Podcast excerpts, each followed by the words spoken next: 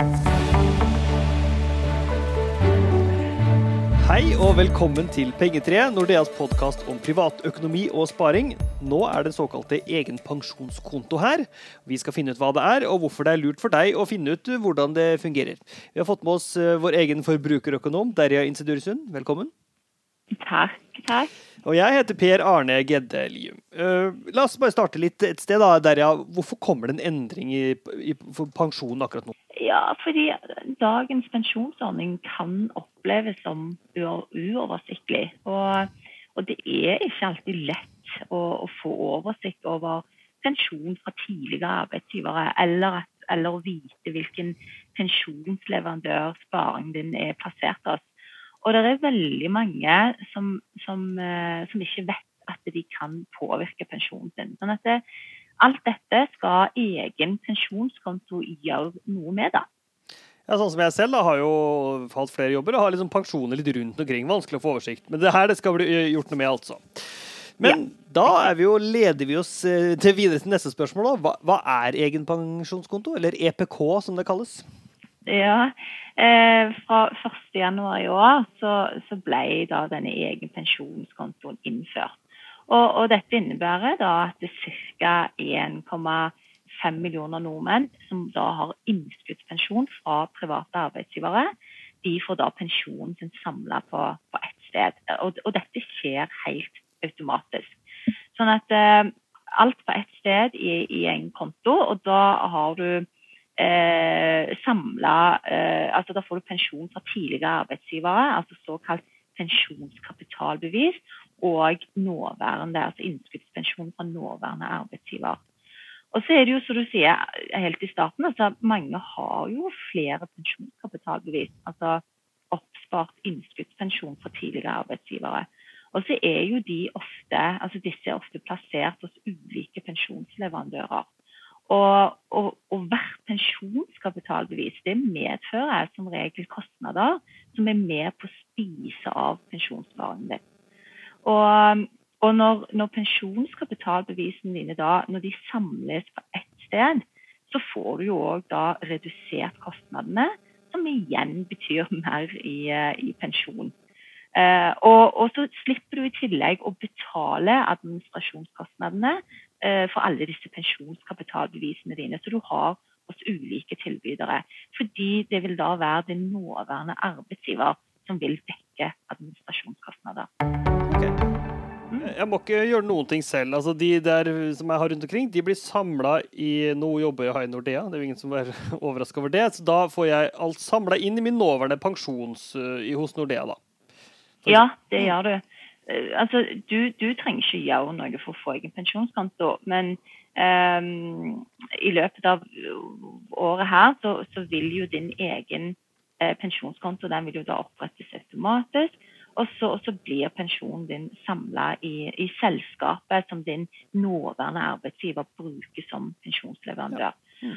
Og, men du har jo noen muligheter her. og det er Eh, fra 1.2 så har du muligheten til å gjøre egne valg. Eh, hvis du ikke ønsker at pensjonen din samles i en egen pensjonskonto, så kan du reservere deg mot dette. Eh, og Da må reservasjonen gjøres innen tre måneder fra du får beskjed fra arbeidsgivers pensjonsleverandør.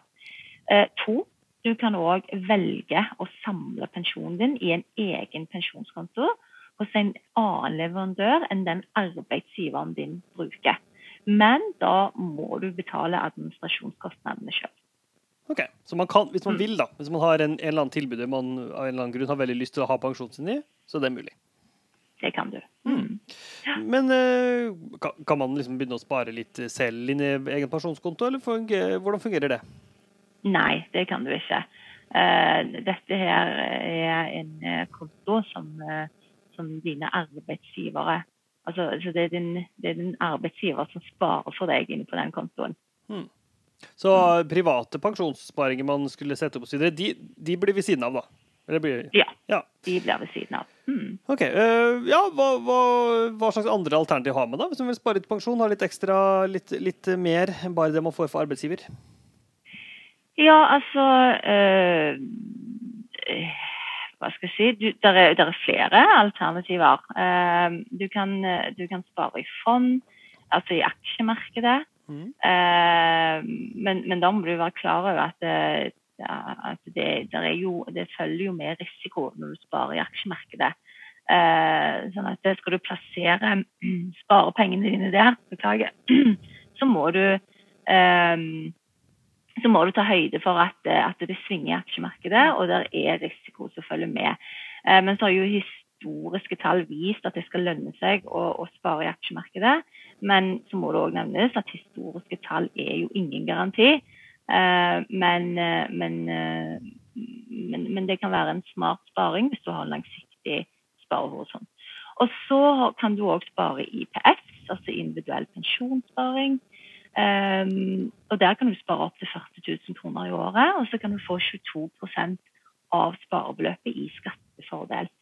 Um, og Her er det ingen formuesskatt på sparingen. Men så må du være klar over at hvis du velger IPS, så blir pengene låst frem til pensjonsuttak. Uh, så da er det tidligst uttak ved 62 år. Uh, men så er det òg skatt på uttak av IPS-penger. Sånn at med andre ord så blir det på en måte en skatteutsettelse mens mm. du sparer. Men eh, det er jo både fordel og ulempe med at det er låst. Fordelen, altså Ulempen er jo selvfølgelig at det er, er, er, låst, da. du kan jo ikke bruke det til noe annet. Men fordelen er jo også at det faktisk blir pensjon ut av det. Man blir ikke plutselig pussa opp badet tre år etter du f.eks. Nei, ikke sant. Og hvis du blir frista til å ta ut penger fordi du skal ha deg en god ferie neste år, så, så kan du ikke gjøre det. For da er pengene låst. Mm. Uh, og det kan du sikkert glede deg over den dagen du blir pensjonist, at du lot de pengene stå. uh, ja. men, men, så er det jo uh, Og dette er veldig viktig, fordi altså i forhold til din innskuddspensjon, da, den pensjonen som arbeidsgiver betaler inn, det er For her betaler jo arbeidsgiver hver måned inn et beløp til et selskap som forvalter pensjonssparingen din. Og de fleste arbeidsgivere de velger en standard spareprofil. Og, og, denne er som oftest med 50% aksjer, og så er det 50 renter. Uh, og det er jo summen av innskuddet og avkastningen som er alderspensjonen din. Mm. Og på de fleste arbeidsplasser så kan du sjøl bestemme hvor stor aksjeandelen skal være. Um, og her har jeg sjøl gjort noe med det.